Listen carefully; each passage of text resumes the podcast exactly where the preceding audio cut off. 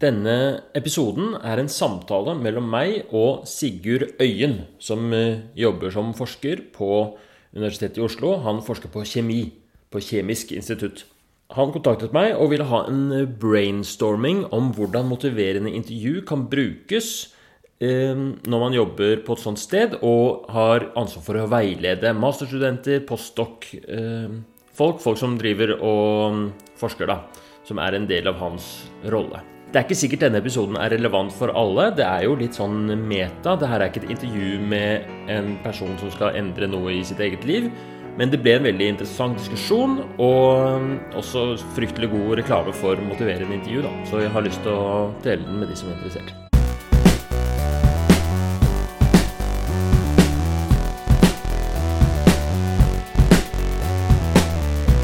Ok, ja, nei, men hva er det du lurer på?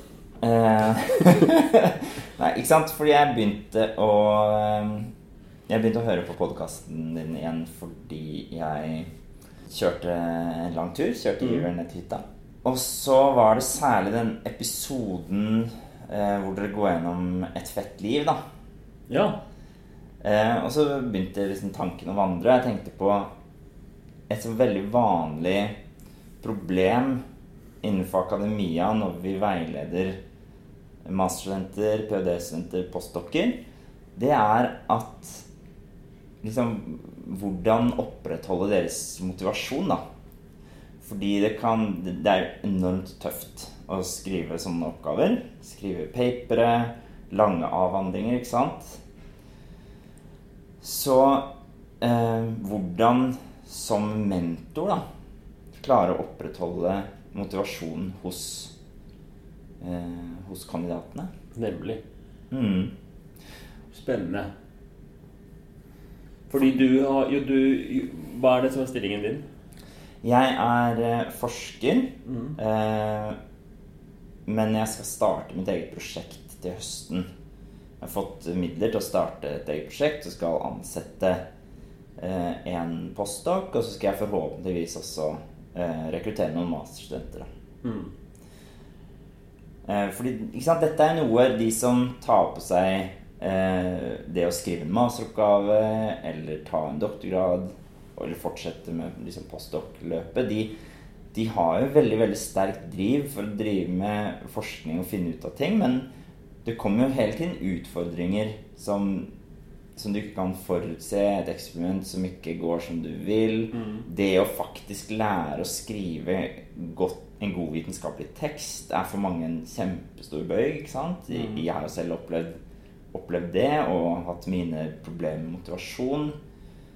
Så det jeg tenkte, da, var liksom Hva slags metodologi kan vi som veiledere eh, bruke? Og så syns jeg liksom den motiverende intervjuteknikken har mange, mange mål da, som som jeg gjerne skulle klart å eh, også bruke som veileder. Mm. Det å få studenten eller kandidaten til å finne motivasjon i seg selv mm. istedenfor det der. Ikke sant? For det var veldig en, en god parallell som jeg tenkte på, var den derre Du som behandler, mm. skal, kan jo ikke sitte sånn Nei, nå må du skjerpe deg. Slutt å røyke. Det er dårlig for deg, liksom. ja. Du må heller klare å lokke ut av pasienten dens egne motivasjoner for, ja. for å slutte å røyke. Sånn at eh, pasienten kan eie det prosjektet. Ja. det er veldig bra. Da beskrev du hele motiverende intervjuteknikk. mm. Og det er liksom jeg, Selvfølgelig innenfor akademia så ser man alt mulig. ikke sant? Du ser liksom veiledere som kommer med sånn smørbrødliste. Du skal gjøre disse og disse og disse, og disse eksperimentene. Og hvis du ikke gjør det innen to uker, så vil jeg helst ikke ha dem med deg. Og så er det liksom de som har med veldig mye altfor fritt igjen. ikke sant? Bare sånn Nei, du får jo gå ned og se hva du finner, og skrive en artikkel og ja. komme til meg når du er ferdig, liksom. Um, det er jo selvfølgelig to helt ekstreme motsetninger, da, men i um, Du må finne den balansen mellom å passe på kandidatens eh, progresjon uten å bli for eh, micromanaging. Ja. Og samtidig ivareta eh, kandidatens eh, egen, eget eierskap til prosjektet. Ja. Det er kjempeinteressant. Jeg syns det er veldig gøy at du eh, har dette, denne problemstillingen. Motiverende intervju er jo skapt for eh, sant, Ble utviklet for å slutt, få hjelpe folk til å slutte med rus. Mm. Og så er det gøy å trekke det over i en helt annen setting, som er liksom veilede eh, doktorgradsstipendiater eller masterstudenter eller noe sånt noe. Som en helt annen gruppe. Men jeg tror det egner seg veldig godt. Eh, fordi det er akkurat det du sier, at man eh, eh, Man sitter jo med sikkert en voldsom Altså når man, jeg, jeg kan kjenne meg veldig igjen i den der følelsen av å sitte og skal skrive en oppgave, og så ikke få det til, og så Mm. ha lyst til å gjøre noe annet isteden. Fordi det gir jo Man sitter med sånn stor ambivalens. da Man vil jo veldig gjerne Det er åpenbart fornuftig og best å gjøre ferdig oppgaven i god tid, og men så sitter man og spiller Transport Tycoon isteden. Av en eller annen grunn. Fordi følelsene vil det. da Ja. Eh, Men så er, det en, eh, så er det to ting, da. Fordi du snakker litt om um, Om hvor Hvordan skal man uh, veilede studenten? Skal man uh, mikromanage, eller skal man ha det fritt? Og jeg tenker det er fint å liksom skille ut hva er det motiverende intervju kan hjelpe med. Hvilken del av veiledningsprosessen er det? Fordi jeg tror ikke den Mm. er et rammeverk for hele veiledningsprosessen. Fordi akkurat uh, hva slags øh, rammer og stil man skal ha for denne studenten eller postdokken, Eh, det tror jeg er en sånn greie man må finne ut med hver enkelt. Ja, ja. Sånn som jeg f.eks. hadde eh, satt veldig pris på at det var mye rammer. Um, eh, mens eh, andre For å få det eierskapet så trenger de mye frihet. og trenger liksom Så det tror jeg er forskjellig fra person til person. Mm. Men um, motiverende intervju er jo en kommunikasjonsteknikk. Så, så den er veldig fin å ha med seg akkurat i Ikke nødvendigvis når man uh, legger liksom programmet, men når man har samtalene med Man kan liksom ha noen frie samtaler, så kan man kanskje legge inn liksom, Nå skal vi ha en litt mer sånn strukturert motiverende intervjusamtale. For å mm, jobbe med motivasjonen, da. Og særlig hvis Man kan jo finne, spørre litt sånn med jevne mellomrom. Da. Er, det, er motivasjon et problem? Ja. Fordi da har vi liksom et verktøy som vi kan bruke. Ja. ja, fordi en av grunnene til at jeg tenker på dette, er jo at det er Det er et stort problem med, med frafall og forsinkelser. Ikke sant? Og, og jeg tror helt klart at du har rett når du sier at man må tilrettelegge veiledningen til, eh, til kandidatens personlighet. Og det, på, det fins på en måte verktøy som vi bruker når vi eh, møter nye studenter, nye kandidater. Da. Det er, er sånne forventningskartlegginger, typisk. Ja. Mm. Men det er litt sånn Jeg brukte det på en student nå eh, for en liten stund tilbake. Men jeg følte at det var mer sånn veldig symptomatisk, da. Man gikk ikke til kjernen i um, i, i dens personlighet og hvordan de liker å jobbe. Det var mer sånn Hvor ofte ser du for deg å ha møter? ja. Eh, så det, det er på en måte Det henger sammen, men du går ikke til liksom kjernen, hvis det, Ja. hvis det gir mening. ja. Ehm, men ja, jeg tror, også tror du har helt rett i å, å dele opp, fordi det jeg tenker der det er mye potensial, da, er jo den å ivareta motivasjonen gjennom løpet. Mm. Fordi det kommer alltid masse Masse hindringer, masse ting som virker Alle disse oppgavene virker veldig uoppnåelige i starten. ikke sant? Sånn, ja, velkommen hit til UiO.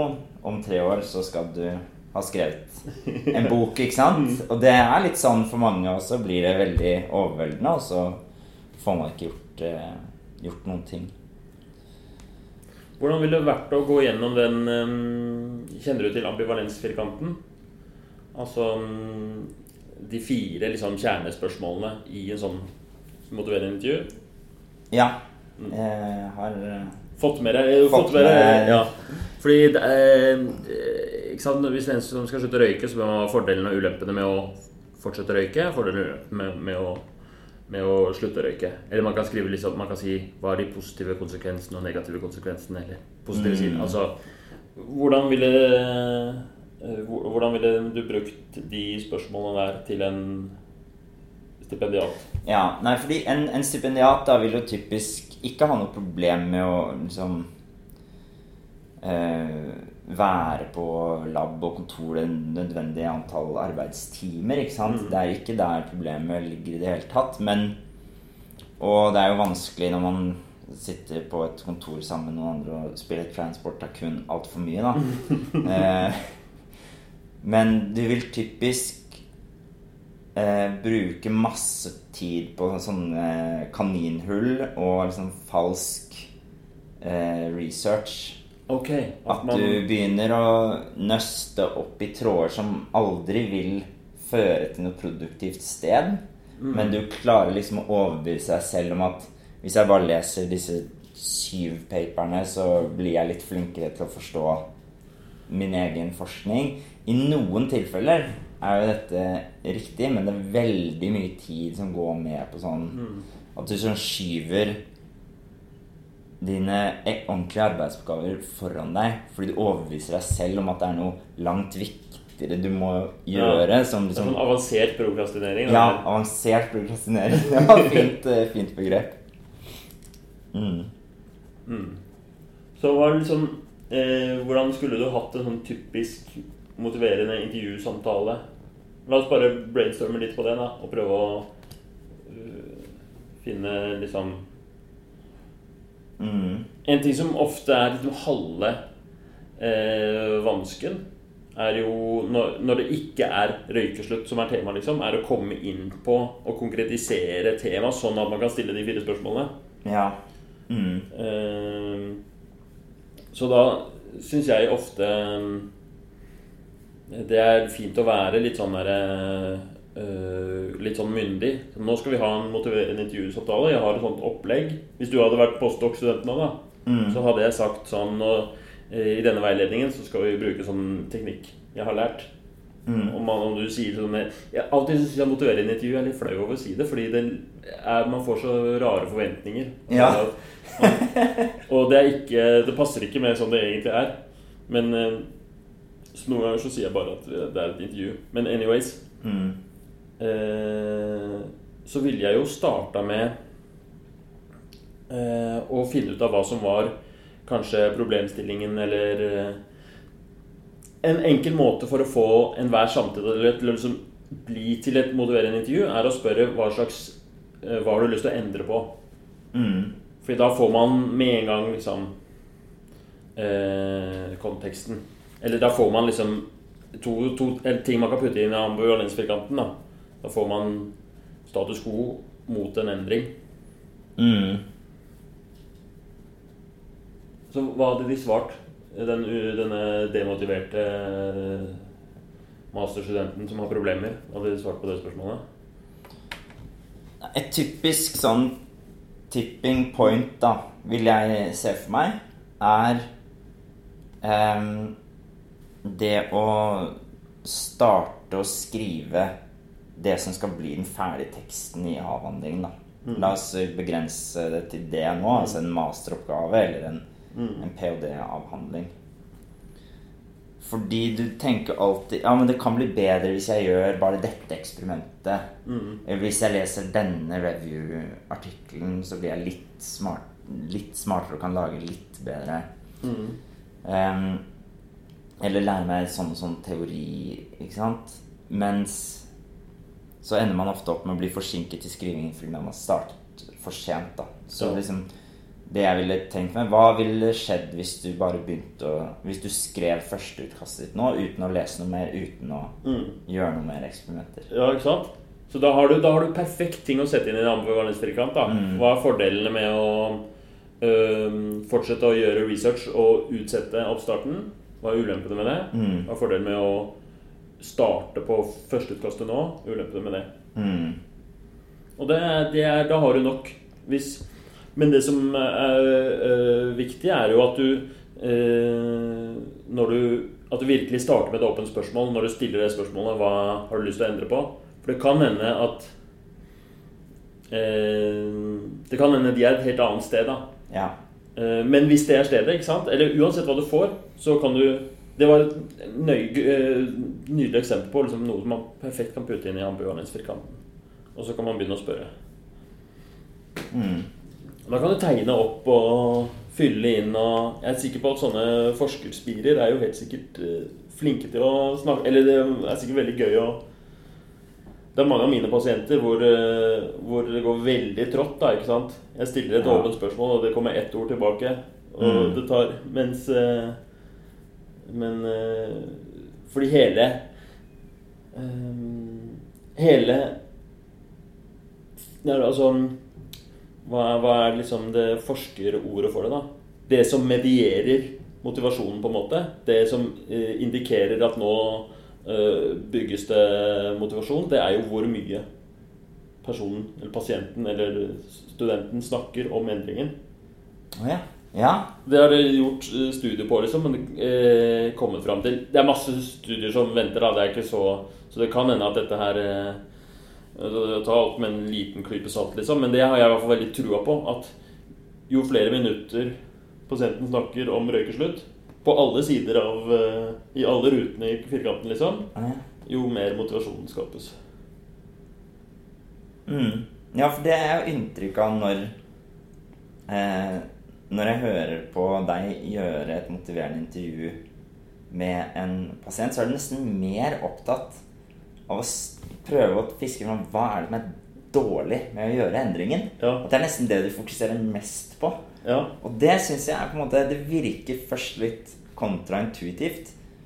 Men du skjønner jo etter hvert at dette er jo for å ufarliggjøre endringsprosessen litt. Mm. Eh, så det tenker jeg også Det er noe vi kanskje Det ville jeg aldri funnet på å ta opp selv. Mm. Hvis du skjønner hva jeg mener? Ja. I en motiverende samtale. Mm. Det det Man må bli spurt om det for Ja. det hele tatt for at det kommer fram. Ingen har lyst til å begynne å snakke om hvorfor jeg er redd for å gjøre forandringer. Ja. Og sånn er det liksom eh, Nå er vi kanskje ved kjernen til noe her, da, fordi i et, særlig et teknisk naturvitenskapelig studium så er det liksom du blir drilla i dataanalyse og eh, det å faktisk gjøre fysiske eksperimenter, tolke observasjoner Mens selve det å kommunisere Mm. det er nok eh, Det har nok ikke den samme statusen, den samme prioriteten Mm. gjennom studiene våre. Ja, det er veldig interessant. Jeg har liksom trua på at eh, kommunikasjon er, burde være Eller er en sånn eh, overordnet ferdighet Mm. som hjelper i alt, da. At det er et eller annet med mennesket som er sånn eh, eh, Et menneske uten relasjoner er liksom Det eksisterer ikke. På samme Mm. måte som et eh, hydrogenatom uten oksygen. Det er veldig mange, med veldig mange modeller som vi bygger på et hydrogenatom eh, Ja. som ikke har noen Ja, omgivelser. er Men det er en annen ja. Eh, Men det blir jo på en måte en Ja, slags så- grunntilstand som Ja. egentlig ikke eksisterer. da, så, du- Mm. oksygen alene. Det går ikke. Du må alltid ha oksygen kobla på et annet oksygen. Ja, I, i lufta, liksom. ja i, i lufta. Ok, Veldig gode Anyways. Ja. Anyways. Nei, men jeg vet ikke om dette er et hmm, På en måte et problem som er spesifikt Ja. for et naturvitenskapelig eh, miljø. Men eh, jeg kan jo i hvert fall snakke for meg selv og studenter jeg har hatt, som er sånn Jeg begynte ikke på matnatt fordi jeg elsker å skrive og kommunisere. Det er jo liksom de, den harde vitenskapen. Da, to streker under svaret. Oppgaveløsning. Mm. Ikke sant? Det er den type mestringsfølelse vi er gode på i utgangspunktet. Ja. Og når vi skal begynne å nærme oss et felt ja. som vi kanskje ikke mestrer så godt som kommunikasjonsfeltet, da, så blir vi litt mer sånn i, i forsvarsmodus. Ja, det kan godt hende at for en, for en eh, kjemistudent så er det kanskje Sitter det veldig langt inne å begynne å snakke om eh, I hvert fall u, eh, liksom, uten å bli spurt, da. Å begynne å snakke om hva som er eh, egentlig ulempene med å komme i gang med den masteroppgaven her. Mm. Det vil være sånn det, er ingen, det er Mange av pasientene mine, når jeg spør hva er egentlig fordelene med å røyke for deg, så sier de alltid sånn Det fins ikke noen fordeler. Det er det første svaret. Og så sier jeg jo, jo, men hva er fordelen? Hva er det du syns er digg med det? Jeg må alltid spørre to ganger. Liksom. Og så sier de ja, det er jo Du får jo en deilig rus, da. Ja, ikke sant? Fortsett. Og så er det plutselig ti ting der, da. Ja. Og sånn vil det sikkert være med de, med de briljante fysikerne òg, ikke sant? At de eh, De har masse ambivalens til, som de kriger med hver dag når de skal sette seg ned og jobbe, liksom. Men som ikke får kommet ut. Og hvis man klarer som veileder å, å få det ut da, Trenger ikke å løse problemene, bare få det ut på papiret, liksom. Mm. At her er det faktisk eh, Du syns det er litt kjedelig å skrive. Nettopp. Det tror jeg er noe som vil komme fram Ja. veldig ofte. da Eller vanskelig. Ja. Veldig, veldig vanskelig. Det er så lett å lese om ting jeg kan noe om fra før. Det er supervanskelig Ja. å skrive en sammenhengende, avansert tekst. Jeg tror hvis, hvis, hvis du er, et, er som veileder er i en sånn situasjon hvor du sitter på et kontor, og studenten sier jeg, syns dette er kjempevanskelig, det er liksom tegn på at da virkelig er du på vei til noe. da. Det er utvikling, og da Mm. Det tror jeg er veldig motiverende. Uh, Da er det sikkert veldig fristende å gå inn og prøve å løse Det er sikkert lettere hvis du gjør sånn og sånn, og begynner å gi råd og sånn. Ja. Uh, så eh, da Altså, mm, Det er akkurat det jeg ville gjort, da. Ja. Ikke sant? Fordi jeg, vet, jeg, har, jo, alt- jeg har jo alltid studenter som, som sliter med noe. Og det er, Du har jo alt, du har gjort alt sammen før, ikke ja, det er så lett å liksom ta over rattet, da. Mm. Ikke sant? Og Bare, men da gjør du bare dette og sånn og sånn og sånn. sånn Ja. og, men eh, ja, jeg tror det er veldig bra for oss veiledere å bli mer bevisste på hvordan man kan bære fram eh, studentens egen motivasjon. Mm.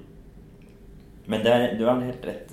Liksom det å Den ambivalensen, den, den kommer ikke fram i lyset av seg selv. Mm. Man må spørre, liksom. Og ofte Ja. dobb to ganger. Ja, det skal, jeg, det skal jeg ta med altså. Um, jeg har faktisk en case akkurat nå som jeg har tenkt å Som jeg har særlig tenkt på i, i lys av dette, da. Um, hvor det er en, en student som har et eh, konkret prosjekt som passer veldig, veldig Som er et viktig strategisk mål for gruppa. Som er et viktig internasjonalt forskningsfelt. Potensielle virkninger innenfor eh, energi- og miljøteknologi. Da. Veldig spennende prosjekt. Og så har eh, Jobbe med liksom eh, Med kjemi som potensielt kan forandre hvordan man jobber Altså Ja, nå er det veldig Er det sånn taushetsplikt? Kan du ikke si akkurat? Jo, jeg kan godt si hva det handler om, fordi dette er eh, også en sjanse til å rydde opp i kanskje en vanlig misoppfatning. Det er ikke sånn lenger at vi finner liksom det ene stoffet som, som løser alt. Men vi, Ah, jeg skal kalle det sigurdium! er det ikke sant? vi, vi, jobber, det er mange, vi jobber her i mange prosjekter med prosesser for å på en mest mulig effektiv måte gjøre om karbondioksid Mm. til eh, nye kjemikalier som vi trenger. Ok, så det er sånn Hvis vi har 3% mer silikon i den blandinga her, så går eh, fotosyntesen 10% raskere? Er det sånn? Ja, det kan du si. Vi, vi bruker ikke eh, fotosyntesen, da, som er karbondioksid, Fins det andre måter Til- å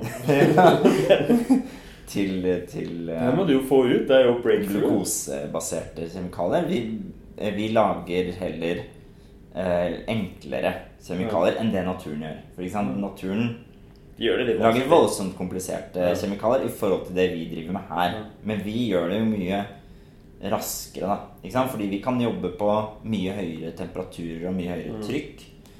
Eh, men nå er vi på et villspor. Men det er riktig som du sier, vi effektiviserer den prosessen Mm.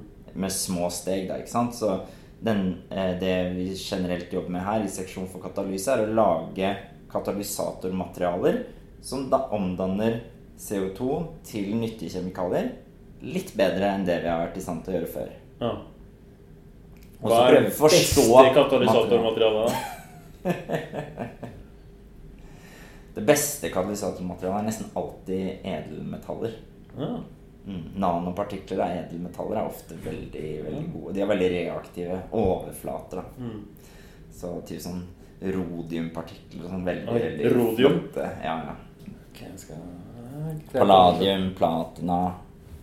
Veldig gode katalysatorer. Men så har det seg sånn at student, dette har, Og dette er ikke første gang det har skjedd. Dette har skjedd med mange studenter som har jobbet med denne og lignende problemstillinger. Er at de finner eh, eh, fundamentale egenskaper ved de materialene de jobber med, som er, eh, som er vanskelig å forklare, og som i litteraturen blir omtalt eh, på en ganske upresis måte. Da. La oss si du, fors du, du forsker på et materiale. Sammensetningen av akkurat det materialet er litt dårlig forstått. Og da Og dette har skjedd med meg, det har skjedd med kolleger av meg mens jeg tok doktorgrad, og det skjer med studenter her nå. Da dykker man hardt ned i det. Hvordan kan jeg på en mest mulig presis måte beskrive dette materialets sammensetning? For dette er noe vi vet hvordan vi kan finne ut av. Vi kan bruke masse masse avanserte måleteknikker for å finne ut av det. Så du finner liksom Du er i gang med ett problem, og så dukker det opp Og her er det et sånt hull. Mm. Og så kan du Ja. egentlig du, du finner et sånn fristende sidespor. Mm. Og så må man kanskje stille seg spørsmålet Er det interessant Eller hvor interessant er det egentlig å finne mm. løsningen på dette problemet? Hvor mye tid skal jeg bruke på det? Og det er litt sånn Hvis du ender opp med å bruke så mye tid at du tar bort en vesentlig del av tiden til det du skal egentlig gjøre det ordentlige prosjektet ditt på, det som faktisk har en eh, har mulige interessante utfall, da, ikke sant? Som, eh, da kan det jo bli et eh, Da kan det jo bli et problem da, Mm. for, for studenten, fordi Og nå er det en sånn case eh, som du har på gang, liksom. Ja. En som driver og kribler etter å gå en rute som du veit er eh, eh, ufruktbar. Ja, eller Det blir kanskje feil å si ufruktbar, fordi det er jo mange i grunnforskningsmiljøene som ville lest et sånt arbeid og syntes at det var interessant. Men Det er ikke der penga ligger. Nei, det, det, er, det er jo Penger ligger jo ikke i grunnforskning generelt, da. Men eh, Nei, det er veldig typisk at vi skal jobbe med å utvikle materialer som skal ha en eh, relevans, og så ender vi opp med å, å undersøke de fundamentale egenskapene. Og jeg sier ikke at det ikke er interessant å Ja, det er ikke interessant, det er ikke fruktbart, men det er jo ikke det som var eh, problemstillingen i utgangspunktet. Nettopp. Mm. Eh, og så må hvis man finner fundamentale egenskaper som er svært interessante, da, så må man i hvert fall klare å løfte blikket og eh, og beskrive hvorfor det rettferdiggjør Mm. å ta så mye tid bort fra prosjektet. Men det, en sånn refleksjon da, har jeg egentlig aldri opplevd at har skjedd. Mm. At liksom man setter seg ned i teamet og sier Ok, nå har jeg funnet ut uh, denne måten jeg kan måle disse små endringene i materialsammensetningen på. Uh, jeg vil gjerne bruke fire måneder på det. Og så kommer det fire måneder til for å skrive et, en artikkel om det. Det betyr jo da at jeg ikke, bruk, ikke utvikler nye materialer i løpet av de åtte månedene. Mm. Den refleksjonen er jo aldri der. Ikke sant? Det er, bare bare, sånn at Refleks, at man bare Mm. skjener ut, liksom. Mm. Så kult at disse materialene har sånn magnetisk effekt på alle som forsker på dem. At Ja. de klarer ikke la være å dykke i de, liksom. Mm. Men det, det er litt av det samme Jeg føler i hvert fall det er litt av de samme mekanismene som ligger bak det, som at man ikke begynner å skrive på avhandlingen sin. Ja. Det er så mye lettere. ja. Det er litt minste motstandsvei på en Ja, måte. det er det. Fordi det er liksom Du har blitt komfortabel med den typen materiale. Du er komfortabel med alle målteknikkene rundt. Du slipper å introdusere en hel masse nye variabler som er veldig vanskelig å analysere. Um, men du ender jo kanskje Du ender jo opp med noe som antagelig har en mye lavere verdi for eh, Både for samfunnet, men også av, for, eh, av vitenskapelig interesse, da. Det er sånn som når man eh, skriver bøker, liksom, så er det 'kill your darlings'. Det er dritvanskelig, men man må gjøre det for at det skal bli butikk. Absolutt. Men jeg har litt lyst til å bruke dette her eh, Denne ambivalensfirkanten særlig, da. Ja. For å kanskje bevisstgjøre mest av alt studenten på, Mm. på det selv. Men igjen, da, så må jeg være forsiktig, da, med å ikke Ikke gi råd. Ja, ikke vær ikke, ikke løse problemet. Bli utålmodig og Ah. løse problemet. Skal jeg gi deg et tips til hvordan du får til det? For det er jo det, akkurat det samme som jeg har slitt med i alle mine år med intervjuer. Det er det samme du går inn, Og jeg hører på intervjuene mine igjen og igjen. Jeg gjør alltid feil. Men jeg har begynt å bli flinkere og flinkere. Eh, Jeg hadde foredrag her forleden dag, et sånt kurs for et, et sånt rehabiliteringssenter. Det var masse fysioterapeuter og leger og sykepleiere og psykologer der da, som snakka om motiverende intervju. Og det var det her som fikk mest sånn Å ja, fett! Det gleder vi oss til å bruke. Det er at um, det fins på en måte den intuitive måten å gi et råd på, uh, som alle gjør, det er at man gir rådet direkte til vedkommende. Ikke sant? At du sier til stipendiaten Du må um, hva er det du har det du, ikke sant? Inni deg så kribler Du har bare lyst til å si sånn Men du må jo bare fokusere på det som er butikk her. Du må Mm. slutte å prokrastinere. Ikke sant? Man gir det veldig direkte. Du må jo bare Kjenner du det igjen? Ja, ja, veldig. Det er spot on. Ja. Altså, jeg sier jo sånne ting til, meg selv. Man sier ja, ikke sant? Ja, ja. Du må jo bare er det sånn derre Det er det vanligste Du må jo bare skjerpe deg. Du må jo bare liksom. skjerpe deg. Mm. Og hvis man analyserer eh, den setningen ord for ord, så starter den med 'du'. Ikke sant? Den er helt som en, eh, som en pistol rett, rett i identiteten til vedkommende. ikke sant? Det er ganske sånn eh, truende, intimiderende å få sånn start. Du må og må. ikke sant? Du tar vekk autonomien til personen. Det er ikke Ja. sånn du kan. Du må gjøre dette. Mm. Og jo eh, I det ordet så ligger det jo på en måte at det er helt åpenbart. Du burde skjønt det allerede. Du må jo. det er ikke noe sånn at dette er noe ny informasjon. Og bare. Du antyder at det er enkelt. Ja. du må jo bare. Så det er et eller annet helt eh, Med den setningen som på en måte er eh, ikke fruktbar.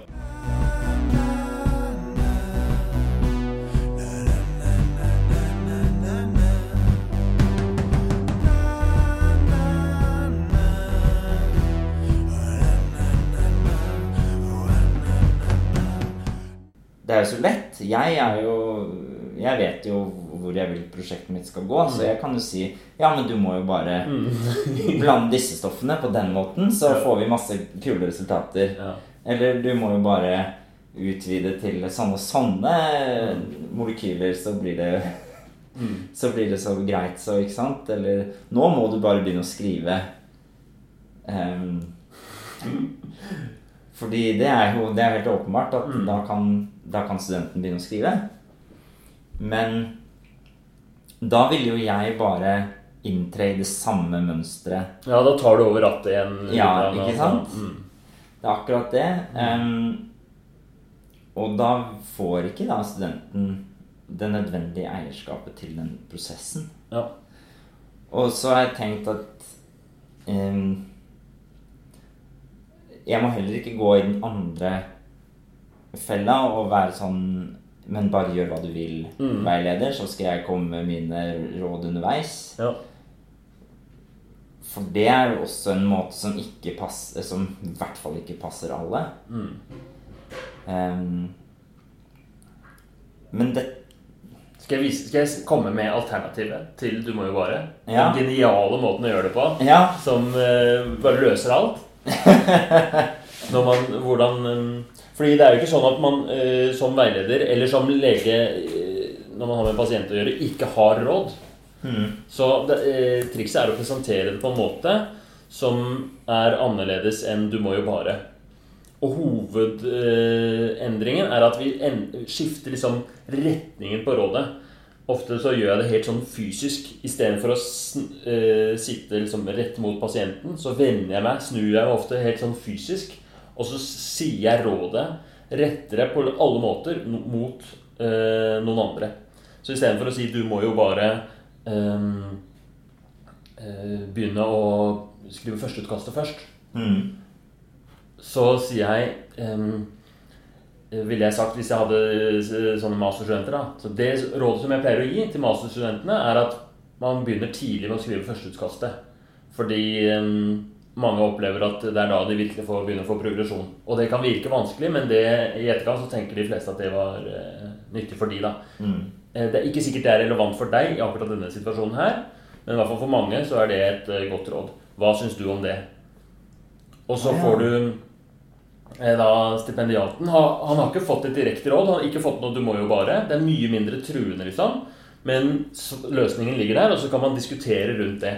Og da avslutter du liksom et åpent spørsmål. Hva syns du om det? Og så kan han eller hun begynne å snakke om at ja, det høres jo egentlig ganske smart ut. Det som er vanskelig med det, er to, Og så kommer det masse greier. Mm. Um, så det er hands down beste måten jeg har funnet å gi råd på. Bruker det i alle uh, sammenhenger med pasienter. Jeg, jeg, jeg sier aldri 'du må jo bare' lenger. Jeg gjør det kun sånn. Og det gjør hele forskjellen. Fordi det er et eller annet med det som ikke blir truende. Du tar ikke over rattet. Du bare viser til Du bare Man kan av og til spørre på forhånd om skal jeg, skal jeg, Vil du ha et råd, eller vil du Det gjør jeg noen ganger. Fordi da sier jo alltid alle ja. Fordi det er jo ikke sånn om man ikke vil ha råd, liksom. Nei. Men man vil bare ha det ikke på seg oppi innenfor intimen. Man har en sånn rådintimsone. Så- Ja, ja, ja. rådintimsone. Så, Men så, ja, men sånne direkte råd mm, Hvis du da ikke klarer å følge det opp, så blir det jo en veldig knekk, da. ja, For fordi- selvfølelsen. Ikke sant? Fordi det er, når du sier 'du må jo bare', så er det jo Er det råd, eller er det ordre, liksom? Ja. Og så mm. Hva syns du om, om denne måten å gi råd på?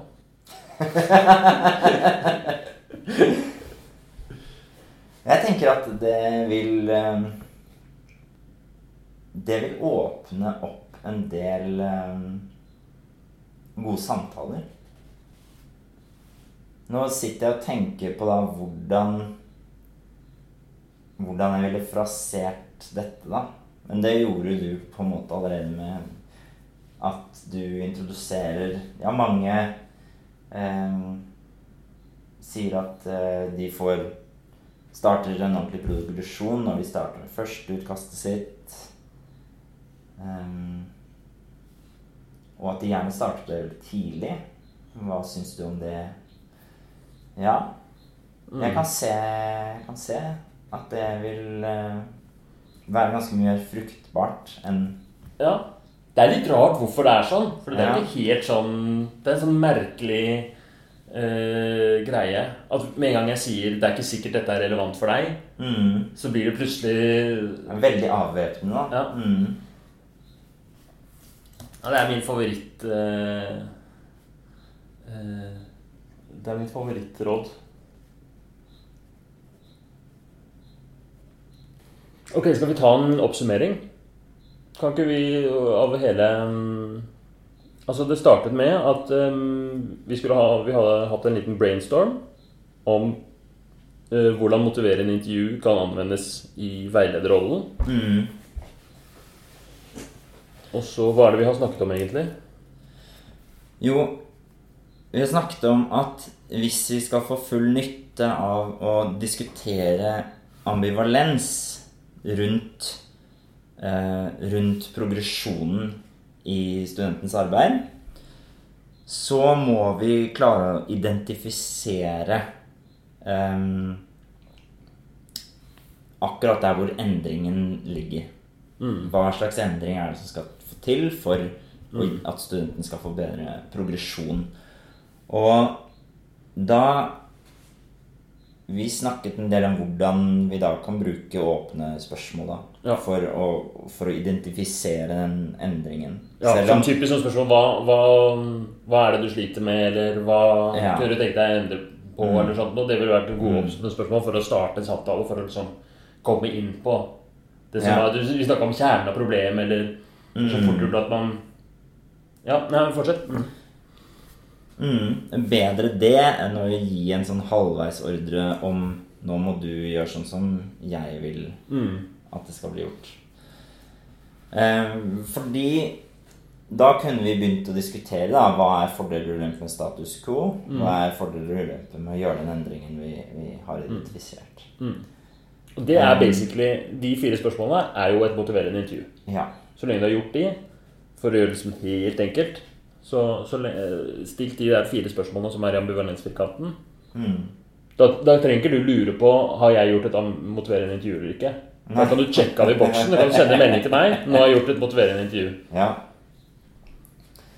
Uh, jeg tror på en måte at Hvis du har stilt tre av spørsmålene, Ja. så har du ikke gjort det. Da er da er Jeg tror at dette vil fungere veldig, veldig godt fordi vi får Hvis vi får luftet den ambivalensen som vi var inne på i stad, det er generelt ikke noe vi prater eksplisitt om. Det ligger som en slags sånn implisitt eh, grunnlag der hele tiden.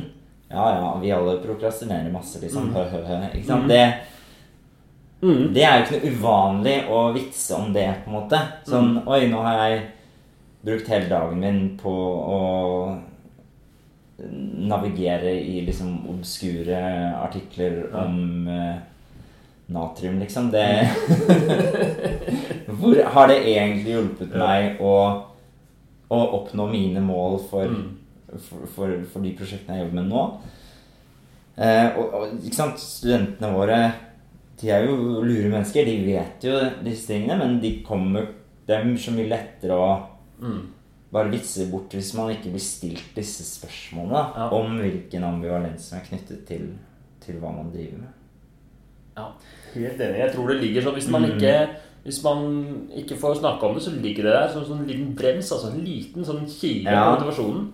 Alt du trenger å gjøre, er liksom bare for, Du trenger ikke å løse det, bare å snakke, få det ut, liksom. Og få snakket om det. Så, så er det plutselig mye lettere å deale med. Ja, Det andre aspektet er jo dette med hvordan vi som veiledere gir råd. Som jeg tenker er en helt utrolig viktig bevissthet man bør ha som veileder. Fordi måten du kommuniserer til studenten din, vil ha så utrolig mye å si for dens Særlig kanskje for dens selvfølelse, da. Og du har jo trivsel og helt sikkert også produktivitet, uten at det skal være noe sånn kjempemål i seg selv. Så Nei, jeg bare Jeg tenker at det må vi forsøke som veiledere å være veldig bevisst på. Mm. som, som veiledere. Hvordan vi gir råd til, til studenter. For de er litt smarte, ikke sant? De vet jo hvor de skal. De vet jo hva vi alle ønsker å oppnå. Det er ikke noen hemmeligheter. De har jo skrevet en prosjektskisse og har masse smarte ideer hele tiden og sånn. Men ja, det er så veldig lett å ta minste motstands vei hvis man Ja. ikke enten utfordrer seg selv, men hvem gjør det? Eh, men, eller, eller blir utfordret. Lokker fram den, den ambivalensen.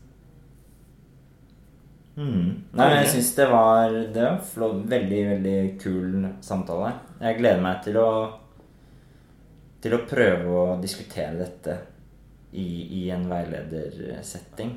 Når er den første gang du får muligheten til å ha motiverende intervju da, med en eh, kandidat? Eller en eller annen eh, kollega? Kanskje noe kunne prøvd å gjøre denne uka før, eh, før vi drar på ferie. Jøss. Yes. Da Det hadde vært eh, Uansett om det blir nå eller senere, sånt, så gleder jeg meg til å høre om, om, om det, da. Kanskje vi kan ta en liten oppfølging og, og høre hvordan det gikk. Ja, det kan være godt. Jeg, altså, jeg har så trua. Jeg tror de der uh, studentene dine kommer til å være bli veldig fornøyd. Jo, takk for det. Jeg skal jo bli stipendiat selv. Skal jeg, har fått, jeg fikk I går så fikk jeg beskjed om at jeg får uh, jobb. Yes! ja. Så digg. Ja, så jeg får sånn eh, Jeg fikk tekstmelding. Jeg skal jo få tilbudsbrev Ja. snart, da. Det er helt sjukt vanskelig. Du kommer ikke til å klare det. Ja, Vi kan jo bare komme på veiledning av deg. Kan ikke du bli uh... Ja. Men da skal jeg forske på øh, klinisk kommunikasjon. Og akkurat det vi snakker om nå, liksom. ja. Hvordan gi informasjon og hvordan gi råd. Og... Det er så utrolig bra. Mm. Ja, det er veldig kult. Og jeg Jeg tenker dette her er jo noe Hvis Hvis det viser seg at jeg får veldig god en, Et veldig godt samtaleklima, veiledningsklima, ved å bruke metodikk som det her, så er det noe som kan videreutvikles, på en måte. Ja. Kanskje vi kan lage et eget kurs som er sånn motiverende intervju for øh, forskningsveiledere. Ja. Kan vi, vi kan lage en liten modul sammen. Ja, ja, ja. Ja, det var knalltøft hvis det, hadde, hvis det funker bra. Og jeg kan ikke se for meg at det ikke skal fungere bra heller.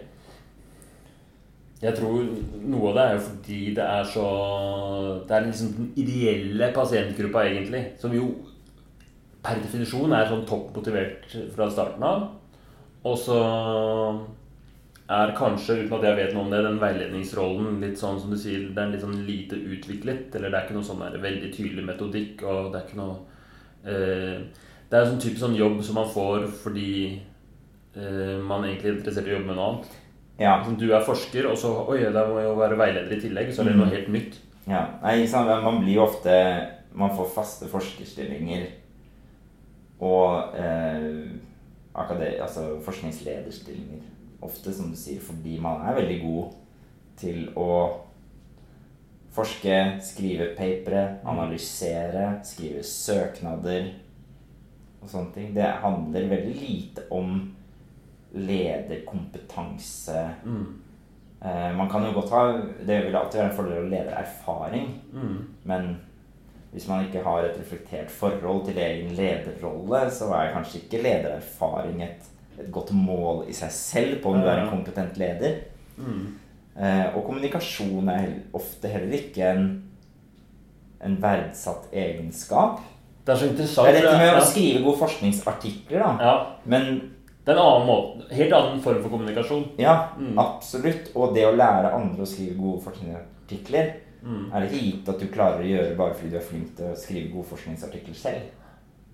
Det er akkurat samme når du sier det. Sånn, det er akkurat det samme i medisinen. At eh, ofte så blir jo du, du jobber som lege, og så blir du til slutt leder ikke sant, på en avdeling eller noe sånt. Nå. Ja, ja, ja. Og så er det jo ingenting i erfaringen din eller i utdannelsen som Ingenting er feil, men det er i hvert fall plutselig så er det masse ting du burde kunne som kanskje ikke har gått deg hus forbi. da Som Mm. har med ledelse å gjøre, eller, eller kommunikasjon. Mm. Ja, dette må vi snakke mer om. Det må vi. Eh, lykke til, da. Og tusen takk for at du stilte opp og at du Du spurte meg jo bare om samtale, og du hadde ingen anelse om at jeg hadde med en mikrofon i dag. Men jeg tror dette kan bli relevant for eh, lyttere av motiverende intervju også. Mm. Takk for praten. Tusen takk for at du hørte på denne episoden. Jeg lager podkasten Motiverende intervju fordi jeg syns det er gøy. Jeg elsker å utforske motiverende intervju-metoden. Det er et eller annet der som jeg finner utrolig fascinerende, og som jeg tror er viktig. Det er bare en glede for meg å lage dette her. Og enda morsommere er det hvis folk liker det og hører på og syns det er greit. Jeg gjør det gratis, jeg tjener ingenting på det her, og jeg har ikke noe reklame. Og jeg har ikke tenkt til å ha det heller. Så det jeg gjerne skulle bedt dere om, da, hvis dere har lyst, du som lytter, det er om dere kan gå inn og rate podkasten inne på iTunes. Da kommer den opp på listene. Av og til så er jeg inne og lurer på topplistene, og det syns jeg er kjempekult for at en amatørpodkast om noe så sært som um, atferdsendring kan gjøre. Så gjerne gjør det. Sett en liten rating på podkasten. Eller hvis du er helt rå, det er det aller beste, så kan du trykke på den knappen hvor det står 'del episode', og sende den til en, eh, en venn du tenker at den er relevant for, og så får jeg en lytter til. Da, da koser jeg meg. En annen måte å støtte podkasten og meg på, det er å invitere meg til å holde kurs eller foredrag i motiverende intervju. Jeg elsker å reise rundt og snakke om hvordan man motiverer pasienter til endring, eller hvordan man kan bruke motiverende intervju i andre sammenhenger. Så gjerne send meg en forespørsel, enten på Messenger til Herman Egenberg eller på Instagram til Herman Egenberg, så mm, svarer jeg så fort jeg kan. Og andre forespørsler, tilbakemeldinger, er hjertelig velkomne å sende til samme sted.